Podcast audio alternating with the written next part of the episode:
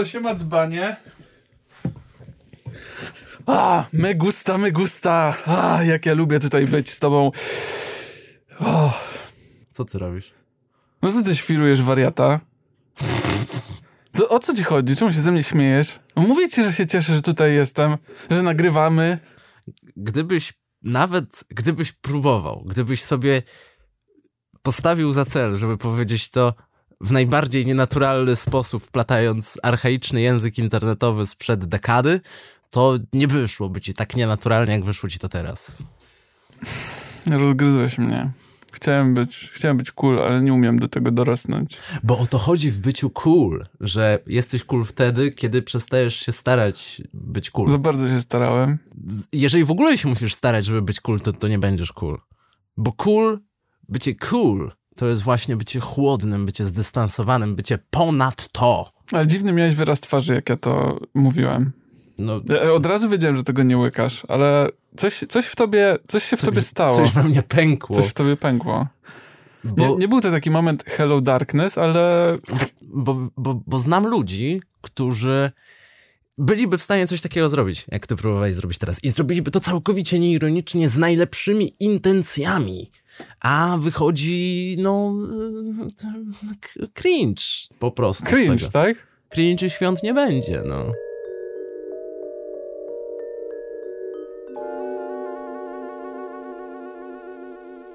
Głupotki Do posłuchania. przed snem.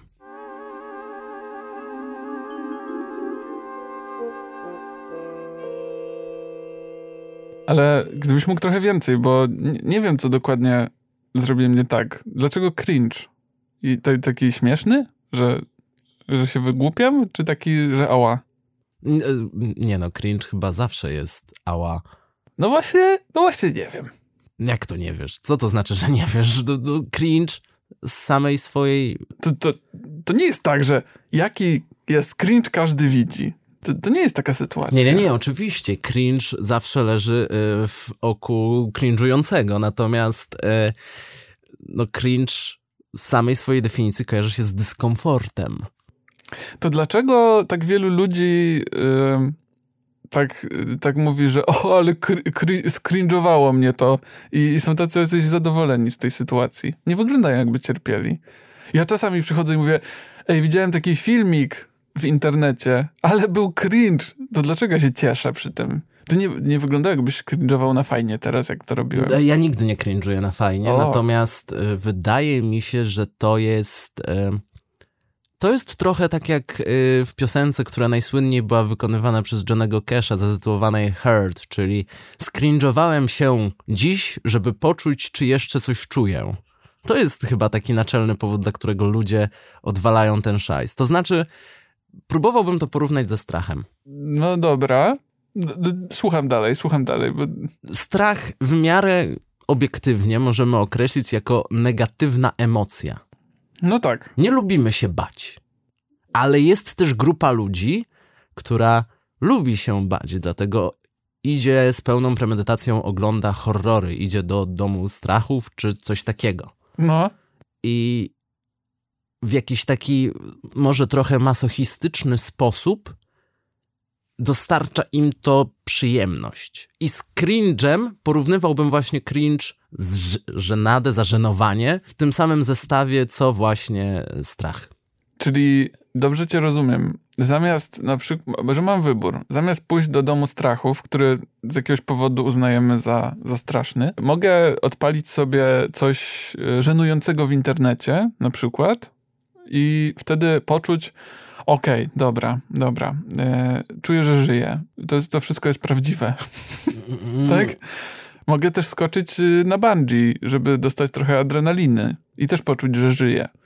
Z, zamiast tego z jakiegoś powodu wolę się zażen- zażenować. No nie wiem, czy to jest to samo. Znaczy, to jest to samo w kontekście właśnie takiego e, sprawdzania e, tych emocji, jeżeli na przykład przez większość czasu czujesz się taką wydmuszką, czujesz się pusty w środku Mhm. i, i, i twój stan właśnie emocjonalny, jakiejś takiej wszechobecnej apatii sprawia, że już przyjmujesz jakiekolwiek emocje, tylko po prostu, żeby coś poczuć, Natomiast myślę, że jest też grupa, konkretna kategoria ludzi, która no po prostu czerpie taką niebywałą satysfakcję z tego, że odczuwa strach. I są też tacy, którzy odczuwają satysfakcję z tego, że y, czują zażenowanie. Takie uzależnienie od tego, tego uczucia. Są ludzie, którzy są uzależnieni od y, adrenaliny na przykład, że muszą sobie ją zadawkować raz na jakiś czas, żeby funkcjonować normalnie na co dzień. Ja niekoniecznie bym wchodził w, w, w y, nazywanie tego uzależnieniem, bo uzależnienie jest wtedy, kiedy trochę nie masz nad tym kontroli i, i, i ta potrzeba tego przysłania ci pozostałe aspekty życia. A są ludzie, którzy po prostu to lubią. To tak samo, y, pójdźmy dalej, pójdźmy trochę w inną stronę tej, tej metafory. Tak samo jak ludzie, którzy lubią ostre żarcie, prawda?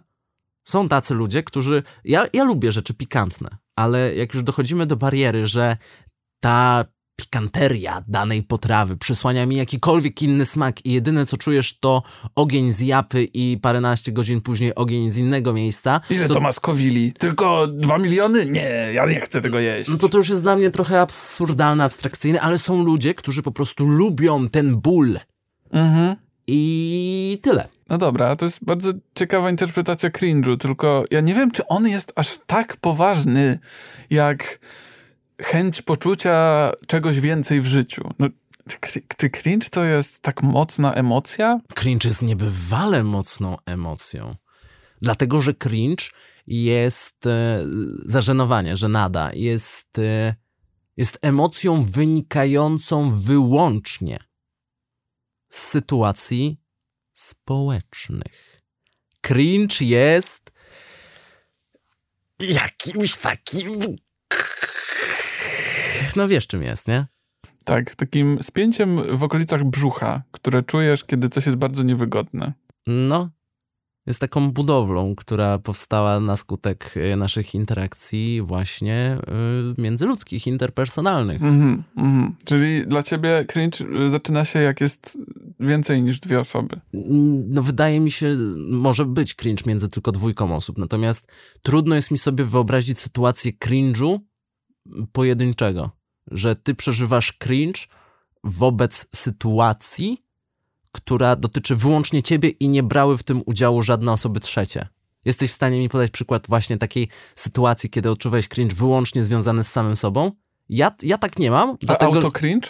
Auto cringe, ale to wciąż będzie osadzone w kontekście interakcji społecznych. Ty między tobą a sobą, jakby odczuwasz cringe, to jest dla ciebie sytuacja społeczna? Ale ja nie odczuwam sytuacji właśnie y, cringe'owych między sobą a sobą. Może że auto cringe, że ty cringe'ujesz o sobie ale wciąż to musi być osadzone w kontekście osób trzecich. Ktoś musi być świadkiem tego. Nie chcę iść tutaj w tak dalekie filozoficzne rozważania, że e, jeżeli drzewo upadnie w lesie i nikt tego nie słyszał, to czy drzewo faktycznie upadło, ale coś w tym jest. No jest. I nie wiem, czy to jest kwestia mnie, że ja czuję się osobą na tyle bezwstydną i komfortową z samym sobą, że nie jestem w stanie sam ze sobą wygenerować takiej sytuacji, która by wywołała cringe, czy jest to uczucie uniwersalne. Wydaje mi się, że y, przynajmniej ja mam wrażenie, że wobec siebie jestem w stanie odczuwać cringe i nie potrzebuję innych osób, żeby o tym usłyszały. W sensie drzewo może spaść w lesie i dla mnie to jest okej. Okay, no ale to po, podaj mi jakiś taki przykład sytuacji, kiedy sam siebie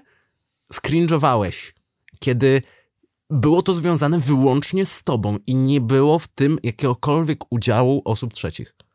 Bo to mnie fascynuje, bo nie jestem w stanie sobie wyobrazić takiej sytuacji. Czasami, czasami zrobisz coś głupiego albo pomyślisz o czymś głupim i to jest na tyle niekomfortowe dla ciebie, że cringe'ujesz sam o sobie. To tak ogólnie. Nie wiem, czy jestem w stanie przywołać konkretną sytuację, ale mam takie podskórne uczucie, że to się stało nieraz w moim wypadku. Nie, nie, nie wiem, czy jest cringe, czy to jest na pewno to, bo jeżeli dla ciebie cringe jest wyłącznie społeczny, no to, to wyklucza moją definicję cringe'u. Dla mnie cringe to jest po prostu efekt różnych sytuacji, które objawia się w taki sposób, że ja się czuję niekomfortowo. Że to jest mi trochę żal kogoś lub czegoś. Ale żal kogoś lub czegoś, czyli w kontekście samego siebie jest ci żal samego siebie przed sobą. Tak. Mm. Że aż to boli. Że Jezu, jaki on jest biedny. Aż... To jest mm. takie trochę, trochę jest w tym empatii, ale też trochę jest w tym takiego... Ale czy empatii do samego siebie? No, czasami się zdarza. Wow. Znaczy, wchodzimy na jakieś rejestry, które są chyba... Wchodzimy, w, mam wrażenie, że może nawet trochę wchodzimy na takie pogranicze pojęć, a nawet mylenie pojęć. No nie wiem, czy mylenie. Bo, y, nie wiem, tak spróbujmy rozłożyć poczucie żenady, zażenowania. Mhm. Jest to uczucie wywołujące dyskomfort. Na pewno, tak. Związany z, no właśnie czym? Jak coś nie pasuje do jakichś standardów, które masz. O właśnie. Ja bym powiedział, że te, te, te, ten cringe w jakiś taki mm, konkretny sposób jest związany z, z niedowartościowaniem, z poczuciem niedowartościowania wobec zazwyczaj innych, bo y, jeżeli czujesz się niedowartościowany wobec sam, samego siebie, to to, to, to, to, mi, to mi się nie klei tak dobrze. Ale to możesz trochę z tym niedowartościowaniem wyjaśnić, bo ja chyba tego nie czuję jeszcze. To znaczy, wydaje mi się, że cecha, y, cecha charakterystyczna dla tegoż właśnie poczucia cringe'u i tego, że ono leży w oku osoby cringe'ującej. To znaczy, że to poczucie wynika z jakiegoś takiego wyolbrzymienia sytuacji i w 98% przypadków, kiedy rozpamiętujesz sytuację, która dla ciebie była żenująca, czułeś się zażenowany tą sytuacją, to prawdopodobnie jesteś jedyną osobą, która to pamięta i rozpamiętuje w taki sposób. I to wynika właśnie z takiego poczucia niższości, że ty chcesz o sobie myśleć, że myślisz o sobie gorzej niż inni myślą, a zarazem i tutaj to, to jest ta sprzeczność wewnętrzna, z jakiegoś poczucia wyższości, ponieważ wierzysz, że jesteś na tyle istotny w życiu innych osób, że na pewno pamiętają o tej sytuacji, kiedy, nie wiem, 10 lat temu rozpruły ci się spodnie. Mm, okay. I też próbując dalej rozłożyć na czynniki pierwsze, to poczucie zażenowania, to jest to dyskomfort wynikający z poczucia niezręczności. I teraz idziemy dalej co to jest ta niezręczność? Jest to właśnie niedopasowanie sytuacyjne, kontekstowe. Tak, do oczekiwań innych. Do sytuacji społecznej, mm -hmm, w której tak, się znajdujesz, tak, więc tak, tym tak. bardziej nie widzę scenariusza, w którym odczuwasz cringe wyłącznie sam ze sobą. Znaczy, okej, okay, cringe związany sam ze sobą wciąż jest osadzony w pewnych wartościach społecznych. No o tym mówię. O, tym, o to mi chodzi do samego początku. niedopasowanego do jakichś oczekiwań. Ale, swoich, ale zbudowanych Ale czujesz wtedy cringe, czy czujesz wtedy, nie wiem, mm, żal, rozczarowanie, smutek, przygnębienie, czy czujesz konkretnie cringe? Czuję cringe. Czuję cringe. Bo z jednej strony, w ogóle zacznijmy od tego, że dla mnie cringe jest jednak osadzony w pewnym żalu i takiej chęci, żeby to się komuś, może sobie, może innemu nie stało. Ja bym zawsze wolał wtedy, żeby wiesz, że to jest takie, nie, nie, nie rób tego, o, o, o. I, I, jakby czujesz konsekwencje tej, tej, tej sytuacji. I ja zawsze mam tak podskórnie, że życzę komuś, żeby to się nie wydarzyło. Że ja chcę dla kogoś lepiej.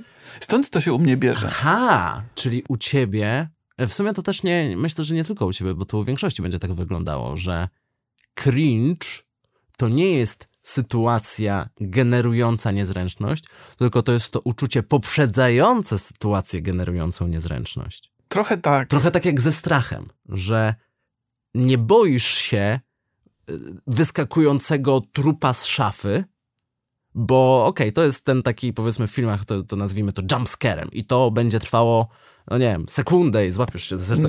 Nie, nie no, ważniejszy jest ten build-up. No właśnie, budujesz to napięcie, tak. tą antycypację, kiedy wiesz, że coś się stanie, ale jeszcze nie wiesz kiedy i w którym momencie. No to jest najstraszniejsze jednak. I w cringe'u najbardziej żenujący jest ten moment oczekiwania, kiedy wiesz, że to jest już nieuchronne i to się zdarzy? Tak, cringe to jest w ogóle bardzo, bardzo chwilowa sytuacja. Nie, nie możesz cringe'ować, nie wiem, rok po jakimś wydarzeniu to się wydarzyło i ja do dzisiaj cringe'uję. Nie, to, to jest po prostu tak, że widzisz coś, to cię ściska, potem to się dzieje i już opada. Nie, to ja się nie zgadzam.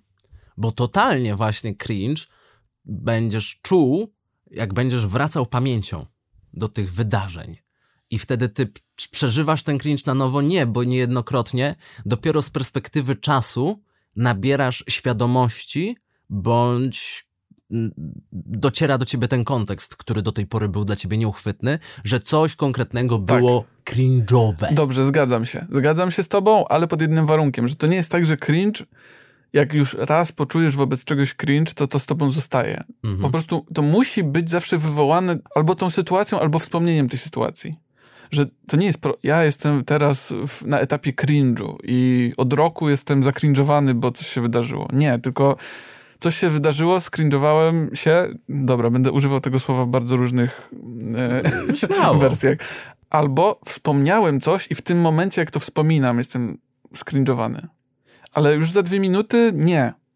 Wiesz o co chodzi? Jakby to jest zawsze wywołane w tym momencie. Wspomnieniem albo wydarzeniem, okej, ale to nie zostaje z tobą. To nie jest tak, że na przykład załóżmy, ma, mamy uczucie smutku i coś się wydarzyło i to zostawiło ciebie w jakimś miejscu i ty jesteś smutny, jesteś, nie wiem, przygnębiony. To przygnębienie z tobą jest. Tylko to, jest moment. O, cringe. Dobra, dwie minuty później dzieje się coś innego, już o tym zapominasz i idziesz dalej przez swoje życie. To jest jakiś stan niepermanentny. No nie, nie jest, nie ma permanentnego stanu zażenowania, bądź No nie, no właśnie. To ja o tym mówię. To jest jak, to jest jak spięcie mięśni. Spinasz się, Taki spazm. tak. I, i dopuszcza za jakiś czas. Hmm, hmm, hmm, hmm. No okej. Mm, To moje pytanie jest takie, jaka jest różnica pomiędzy poczuciem niezręczności, mhm. a poczuciem cringe'u? Bo chyba możemy stwierdzić, że te dwa terminy funkcjonują równolegle wobec siebie, a nie znaczą tego samego. Niezręczność jest mniej niewygodna. Jak cringe. Czyli cringe jest taką ewolucją niezręczności. Tak, cringe to jest ta niezręczność, którą, którą chcesz opowiedzieć znajomym. Nie, Tak, nie. tak, bo zobacz, masz niezręczność. No. Jesteś w jakiejś sytuacji, widzisz, że ktoś robi coś bardzo niezręcznego. Wywołuje sytuację, gdzie inni wokół niego czują się w tej dolinie niesamowitości. To nie jest, to nie są społecznie ugruntowane reguły, tylko jest to coś dziwnego, co jest jakimś takim niepowodzeniem. To się dzieje, rozchodzimy się, każdy sobie to w serduszku przepracuje i tyle. Natomiast cringe to jest coś jednocześnie niekomfortowego i niezręcznego, ale też z takim potencjałem. Może to nie będzie idealne słowo na tę chwilę. Humorystycznym? Wydaje mi się, że jest, y, na pewno jest konkretny odłam komedii, humoru, który y, jest związany w 100% właśnie z, z cringe'em, z zażenowaniem. Dokładnie tak jak jest ten typ humoru, który jest nierozerwalnie związany na przykład ze strasznością, ze strachem. I patrząc chociażby na horrory, które były w latach 60., 70., które niejednokrotnie były celowo kiczowate, i, I nikt się nie oszukiwał, że tony sztucznych flaków i krwi będą kogoś jakoś tak diametralnie przerażały. One wywoływały śmiech, który doskonale się kontrastował właśnie z tym poczuciem przerażenia. Próbując rozbudować to, co powiedziałeś na temat tej, tej definicji między cringe'em a niezręcznością, ja bym powiedział, że y, cringe jest takim dobrym papierkiem lakmusowym socjopatii. No, no dobra. Już to, już to No, no tłumaczę. tak, No tak, trochę tak. tak jak z ziewaniem. No, dokładnie tak jak z ziewaniem. Ja sobie ziewnę i ty też sobie na, ziewniesz, mimo że nie chce ci się spać, ale współodczuwasz z tym i nagle... y, To, to, to jest takie zjawisko psychologiczne, że po prostu też ci się chce ziewać, bo widzisz, że ktoś inny ziewa. No tak. I prosta niezręczność to będzie rzecz, która ci się przydarzyła, czujesz dyskomfort z tym związany, opowiadasz innej osobie i ta osoba jest pozbawiona tego kontekstu osobistego, więc dostrzeże tą niezręczność, ale nie będzie jej współodczuwała. Tylko Mhm. powie, no, no, faktycznie dziwna sytuacja, albo szkoda, że to się zdarzyło. Natomiast ten cringe będzie już na tyle mocny, albo będzie taki, że będziesz w stanie go współodczuwać, że też poczujesz taki dreszcz, nawet jeżeli nie masz tego personalnego kontekstu, Tak. ponieważ współodczuwasz z tym, empatyzujesz z tym na tyle mocno. Tak, dokładnie. I to jest właśnie o to, to o czym mówiłem, e, wspominając, że cringe jest taki, że chcesz powiedzieć znajomym. Bo masz pewność, że oni na to zareagują. Ale po co chcesz o tym mówić znajomym, skoro już się umówiliśmy, że to nie jest, y, to nie jest pozytywna rzecz, którą czujesz, No że to nie- nie jest przyjemny zestaw uczuć. Ja ci nie mówię tylko o pozytywnych rzeczy. No ale po co chcesz ranić najbliższych? To nie jest ranienie, właśnie Krzywdzić. w tym jest cały ambaras, że cringe nie jest raniący, on nie krzywdzi. Ale to jest negatywna emocja.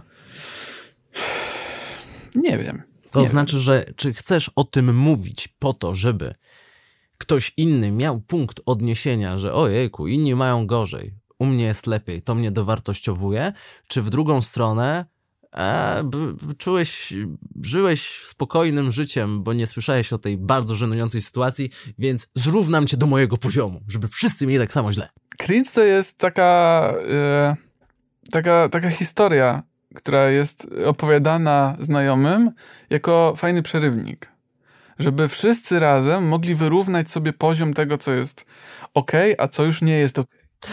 To cringe to jest w konstrukcji anegdotek, to cringe jest tym takim plasterkiem imbiru, który dostajesz przy sushi, żeby oczyścił twoją paletę. Tak, dokładnie tak. Dokładnie on jest tym imbirem. Czyli my mówimy sobie cringe'owe rzeczy, opowiadamy sobie o tym, co jest cringe'owe, albo pokazujemy sobie, już weźmy te cholerne filmy, które są cringe'owe, po to, żebyśmy razem mogli ustalić, co społecznie jest już nieakceptowalne.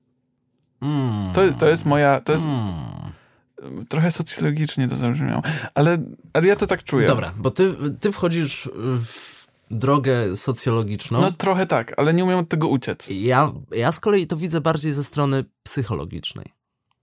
I y, patrzę na to z tej perspektywy, dlatego że ja nie znoszę, nienawidzę, nie, nie lubię tego uczucia zażenowania i też bardzo, ale to bardzo nie lubię, jak oglądam treści, które oparte są właśnie na tym humorze żenady.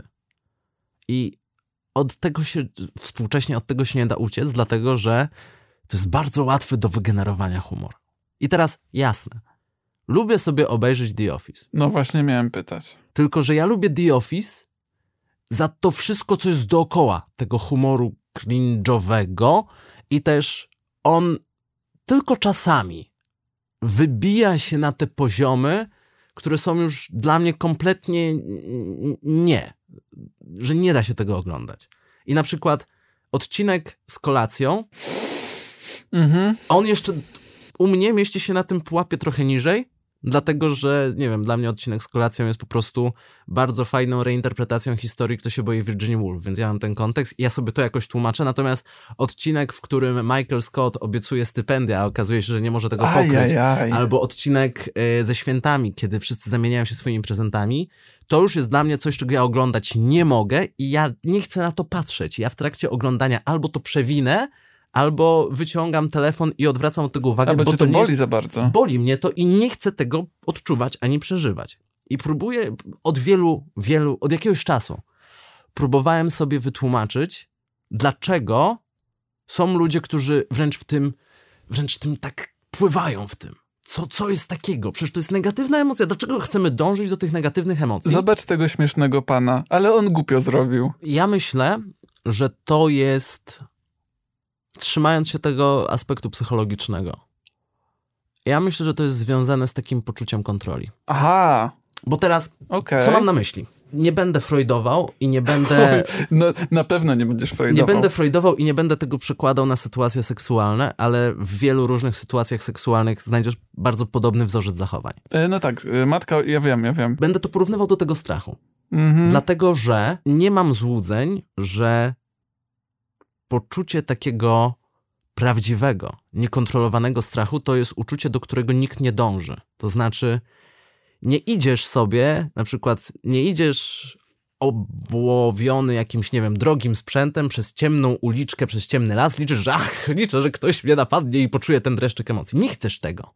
Ale nie masz problemu, żeby obejrzeć na ekranie taką właśnie sytuację, bo lubisz ten dreszczyk, bo też współodczuwasz ten dreszczyk emocji, ale ty do samego końca masz nad tym kontrolę. Możesz w dowolnym momencie wstać i wyjść. Co Jeżeli- więcej, możesz się spodziewać, że ten horror się skończy dobrze. Może się skończyć dobrze, może się skończyć źle, może podążać pewnymi regułami, które w prawdziwym życiu nie mają zastosowania. ale masz tą kontrolę nad tym. Mhm. I to, że ty masz nad tą kontrolę, pozwala ci to chociażby, nie wiem, mierzyć się ze swoimi własnymi traumami, bo mogłeś przeżywać pewne traumatyczne doświadczenia, kiedy nie miałeś tej kontroli, i tutaj masz, masz to, masz, masz nad tym władzę. I wydaje mi się, że można to jeden do jednego przełożyć do sytuacji cringe'owych, czyli nie znam ludzi, którzy uwielbiają przeżywać sytuacje cringe'owe, które dotyczą ich bezpośrednio, nad którymi nie mają kontroli, które wynikają z sytuacji, nad którymi nie mają Oj, kontroli. nie, nie, nie. Są ludzie, którzy będą lubili cringe'ować właśnie innych. Znam ludzi, którzy z pełną premedytacją będą, tak jak ty mówili, a, megusta, coś tam, będą używali tego języka, który, który wiedzą, że jest niedostosowany do czasów, bo wiedzą, że to będzie wywoływało u innych te emocje.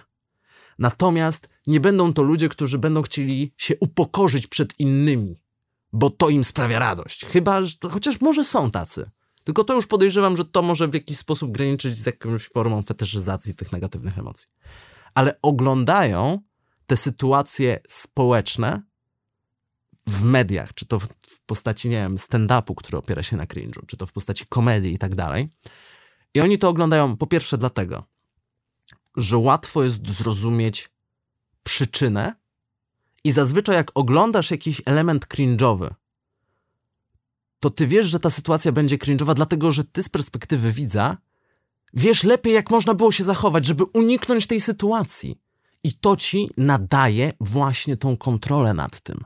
I też, jeżeli przejdziesz do ściany, że już to jest coś, czego nie możesz wytrzymać, no to zamykasz ekran i tyle, i nie oglądasz, nie bierzesz w tym udziału. Więc ja uważam, okej, miałem, nie, miałem nie freudować, Aha. ale y, dojdę do tego jak Oscar Wilde, że jak wie wszystkie rzeczy w życiu, to się kręci wokół władzy.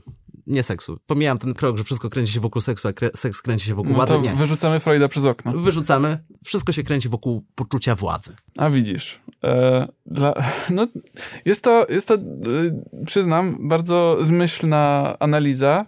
Natomiast e, ja na cringe patrzę nie jako sposób na poczucie władzy, tylko bardziej jako na nośnik. Nośnik informacji. Mhm. Dla mnie cringe to jest współcześnie taki trochę odpowiednik porzekadeł, może mitów, wiesz, coś, co możesz włożyć jakąś informację. I teraz hear me out. Jak mamy sytuację cringe'ową, tak jak już wspomnieliśmy, to są sytuacje, które zazwyczaj możemy oglądać, możemy sobie podawać dalej, generalnie są w społeczeństwie, tak? Gdzie są umocowane. Weźmy już przykład tego Michaela Scotta, o którym rozmawialiśmy z The Office. Skąd ja wiem, że to jest sytuacja cringe'owa? Zaburza pewne standardy zachowań społecznych i przez to ja czuję się źle. Widzę, że ktoś robi coś głupiego, coś niedostosowanego, coś bezmyślnego w tym sensie takim ale przecież dlaczego, nie? To jest to takie podstawowe pytanie. Dlaczego, po co, skąd mu to przyszło do głowy? I ja zostaję z informacją, co jest w cudzysłowie dobre, co jest zachowaniem ok, co by mogło pójść dobrze, a co poszło źle. Więc ja sobie tworzę na bazie tej cringe'owej sytuacji jakiś ogląd rzeczywistości, co jest akceptowalne, co jest nieakceptowalne, co kończy się dobrze, co kończy się źle. W jakiej sytuacji wyszedłbym obronną ręką, a w jakiej sytuacji skończyłbym na tarczy. Dobra, tylko przykład The Office jest o tyle ciekawy, że on pokazuje pewną ewolucję i dopracowanie tej formuły cringe'u. Zwróć uwagę, że jeżeli ktoś mówi o, o The Office w pozytywach, to zazwyczaj co do zasady nikt nie powie, tak, całe The Office jest równomiernie dobre, tylko zazwyczaj ludzie mówią, no ten pierwszy i ostatni sezon to, to nie. Mhm. I ten pierwszy sezon jest kluczowy. Dlatego, że pierwszy sezon amerykańskiego The Office jest y, bardzo bezpośrednim przekopiowaniem tej formuły, która była w Wielkiej Brytanii. Tak jest. Humor brytyjski, humor amerykański, dwa zupełnie różne światy. Nawet w to nie będę wchodził. Natomiast to, co jest znamienne dla tego pierwszego sezonu The Office, a nie jest obecne w pozostałych sezonach, Mhm. to to, że Michael Scott jest po prostu okrutny. No tak. On, on jest.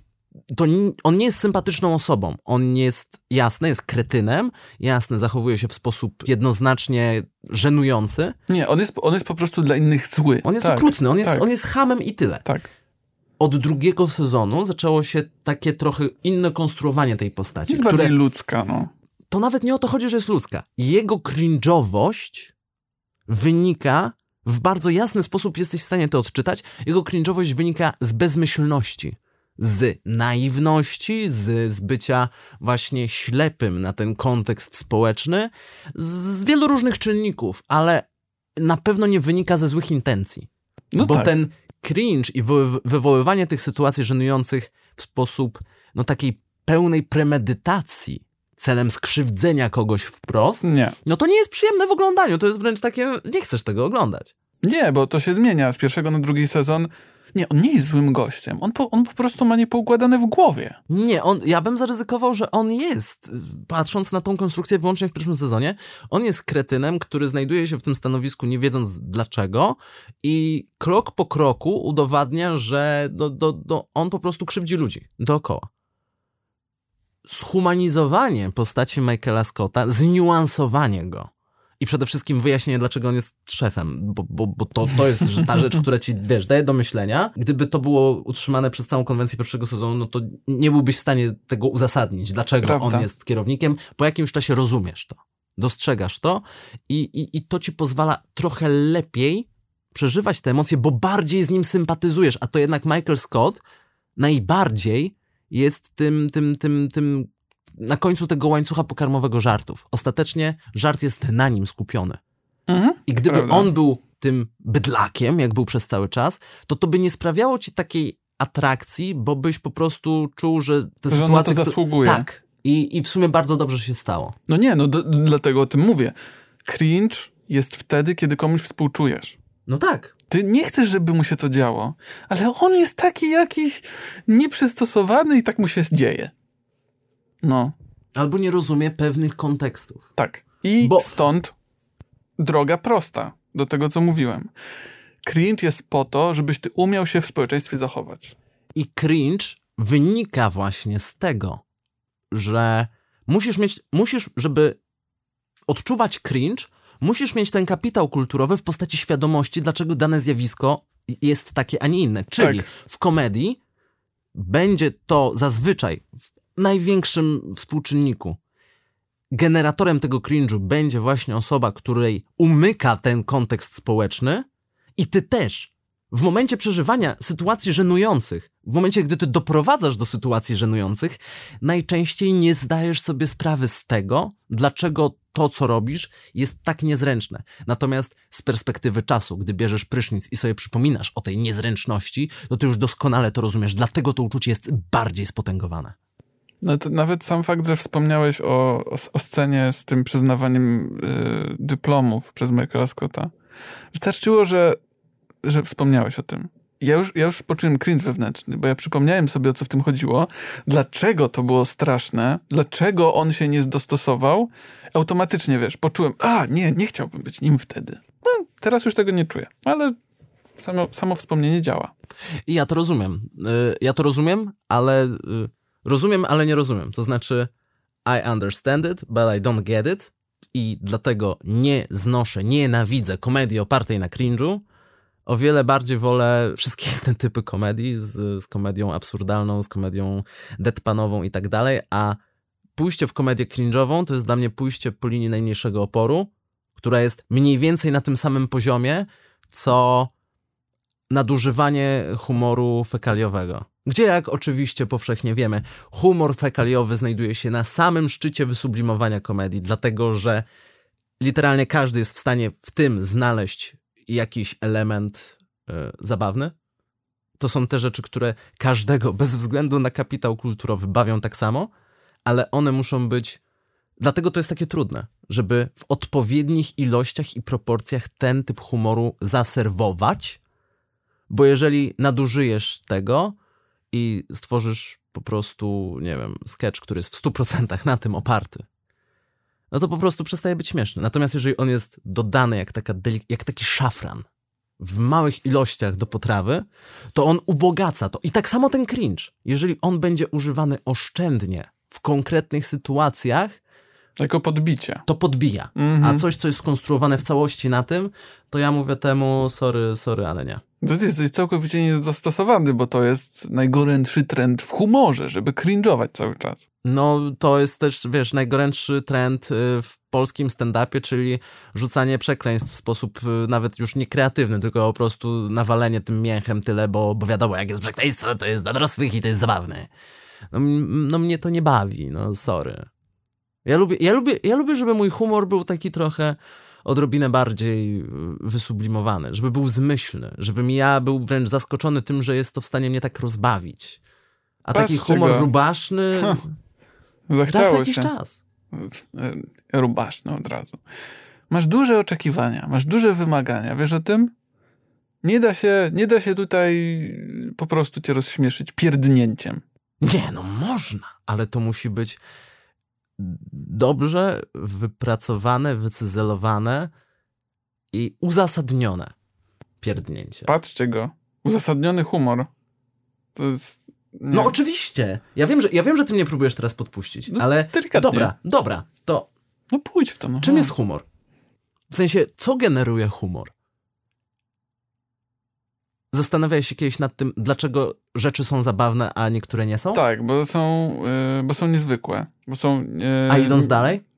No, humor, reakcja humorystyczna, reakcja rozbawienia zazwyczaj wynika z. Każdy żart jest na tym zbudowany, czyli jest wprowadzenie i puenta. I ten humor. Trudno jest mi znaleźć w ogóle sytu... sytuację, kiedy, kiedy nie wynika z tego, że puenta jest zaskakująca. No, puenta jest jest- odwróceniem twoich oczekiwań. tak. I na przykład antyhumor, antyżart, który, styl, który idealnie wypracowywał na przykład Norm MacDonald, wynikał z tego, że ty oczekiwałeś tego, no oglądam sketch, kabaret. Więc skoro jest prowadzenie, to będzie zabawna puenta. I element zabawowy wynikał z tego, że Norm MacDonald nie robił zabawnej puenty. On mówił dokładnie to, czego powinieneś się spodziewać, ale ponieważ oglądałeś te konwencje, to się nie spodziewałeś i to generowało humor. No tak. I z tego powodu też ten cringe, że zażenowanie jest też elementem humorystycznym. Bo jest sytuacja, w której spodziewałbyś się czegoś... Zachowania społecznego Tak. takiego, ale jednak się to zmienia. Mhm, tak. Dlatego to jest zabawne. No dobrze, okej. I ja uważam, że cringe jest właśnie tym pójściem po... po to, jest, to jest pójście na łatwiznę. To jest jak opowiedzenie żartu o babie, tak? Dla ciebie. Ale żarty o babie też mogą się wznosić Nie, na mogą, jakąś oczywiście. kunszt, No, prawda? no, no, no tak. A zazwyczaj się nie wznoszą i dla mnie to, no, no, no nie, no cringe to jest humor, którego y, puentę zawsze można byłoby spłycić do żony, co nie? Ach, te baby, ha, ha, ha. No, no nie, to jest, to jest właśnie to pójście na łatwiznę. Mam wrażenie, że samo mówienie o cringe'u dla kogoś mogłoby się okazać cringe'owe. Na, nasza dyskusja tutaj... No ale właśnie o to chodzi. Cringe, jak już ustaliliśmy, nie, zwróć uwagę, że my na żadnym etapie nie próbowaliśmy, nie wiem, tego jakoś y, konkretniej, w stu procentach zamknąć w konkretną definicję, odgrodzić szczelną granicą this is cringe, this is not cringe. No, próbowaliśmy że- go oddzielić od e, niezręczności. Tak, ale każdy będzie zupełnie inaczej miał postawione granice tego, gdzie to się kończy i gdzie to się zaczyna. I tego nie, nie, nie jesteś w stanie jakkolwiek zdefiniować. I tego nie jesteś w stanie określić. I humoru. Humoru też bardzo trudno jest definiować, określać, wyznaczać granice. Czyli poczucie cringe'u jest trochę jak poczucie humoru. Masz różne I poczucia poczucie humoru. strachu. Bo dla kogoś straszna będzie scena, jak wychodzi morderca i, i, i kłuje nożem. Dla kogoś straszne będą, e, nie wiem, e, wilkołaki i zombiaki. A dla kogoś e, straszne będzie na przykład, nie wiem, perspektywa brudnych naczyń, które leżą w zlewie i tak czyhają na kogoś. I to może być pokazane. Przerażające. Tak, Zdecydowanie. i nie znajdziesz złotego środka, ale, ale, i to przekładając znowu na język filmowy, utalentowany twórca filmowy będzie w stanie wygenerować właśnie podobne emocje w różnych tego typu zjawiskach. Będzie w stanie stopniować napięcie do tego stopnia, że to nie będzie miało znaczenia, czy wyskoczy facet z nożem, czy wyskoczy przez ścianę się przebije duży czerwony dzbanek z napojem. Oh yeah! to będzie ten, to, co doprowadziło do tego momentu. To to będzie to, co jest wywalczone. Wyobraź sobie, że budzisz się w świecie, w którym wilkołaki są najstraszniejszą rzeczą, jaka istnieje? że po prostu jest film o wilkołakach wszyscy, nie, ja chyba na niego nie pójdę, bo to jest zbyt hardkorowe. To już jest y, prawie jak Snaf mówi. wilkołaki. Że, że w ogóle zbanowany jest y, ten odcinek Harry'ego Pottera, gdzie profesor Lupin zamienia się w wilka, bo, bo to jest zbyt, wiesz, przerąbane i tam dzieci płakały. Nie, nie potrafię sobie tego wyobrazić. Ja, ja, też właśnie nie, ale staram się i jest to zabawne. Tym bardziej, że słowo wilkołak jest dla mnie totalnie zrujnowane. Ono już nigdy nie będzie straszne. Od kiedy pojawiły się mlekołaki na polskim rynku, ja jestem absolutnie w ogóle odporny na wilkołaka.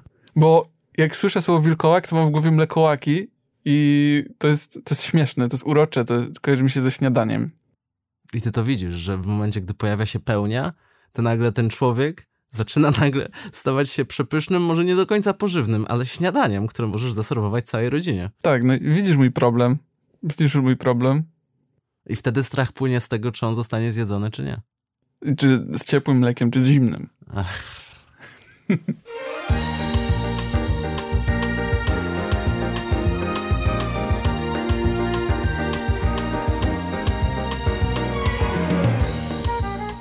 Udział wzięli Michał Rypel, Józef Poznar, Michał Rypel, Józef Poznar, Michał Rypel, Józef Poznar, Michał Rypel, Józef Poznar, Michał Rypel, Józef Poznar, Michał Rypel, Józef Poznar, Michał Rypel, Michał Rypel, Józef Poznar. Głupotki. Do słuchania przed snem. Do posłuchania. Do posłuchania. Głupotki. Do posłuchania. Przed snem.